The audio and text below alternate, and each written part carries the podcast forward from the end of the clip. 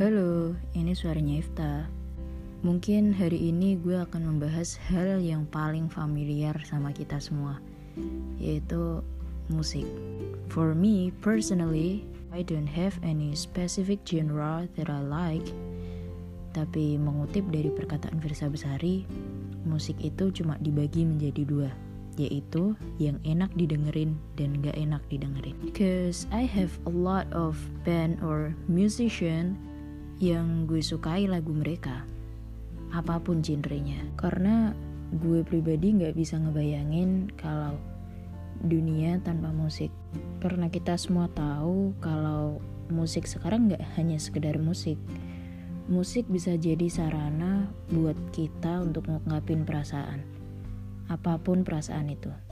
Senang, sedih, kecewa, marah, jatuh cinta, tersakiti, dan masih banyak lainnya. Bahkan sekarang musik bukan hanya sekedar sesuatu yang didengar melalui telinga kanan dan keluar telinga kiri. Sekarang musik benar-benar jadi sarana untuk menyalurkan apa yang kita rasakan bukan hanya ke seseorang, bahkan bisa jadi ke pemerintah. Tapi anehnya, di sekitar gue masih banyak banget orang yang menjudge selera musik orang lain. Kayak contohnya, kalau lo nggak tahu lagu TikTok zaman sekarang, berarti lo kudet.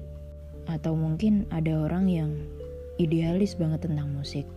Mereka beranggapan kalau lo nggak tahu lagu-lagu The Beatles atau lagu-lagu Queens, ya berarti lo nggak keren. Hal-hal semacam itulah yang menurut gue merusak esensi musik itu sendiri. Karena menurut gue musik adalah bahasa paling universal di bumi ini. It's not English, it's not Mandarin or Arabic, it's music. Karena ke mana pun lo pergi, menurut gue semua orang di dunia ini akan bisa disatukan dengan satu bahasa yang namanya musik. Jadi kembali lagi, apa pun genre musik yang kamu sukai, lo nggak akan kelihatan keren kalau lo masih ngejelek-jelekin selera musik orang lain.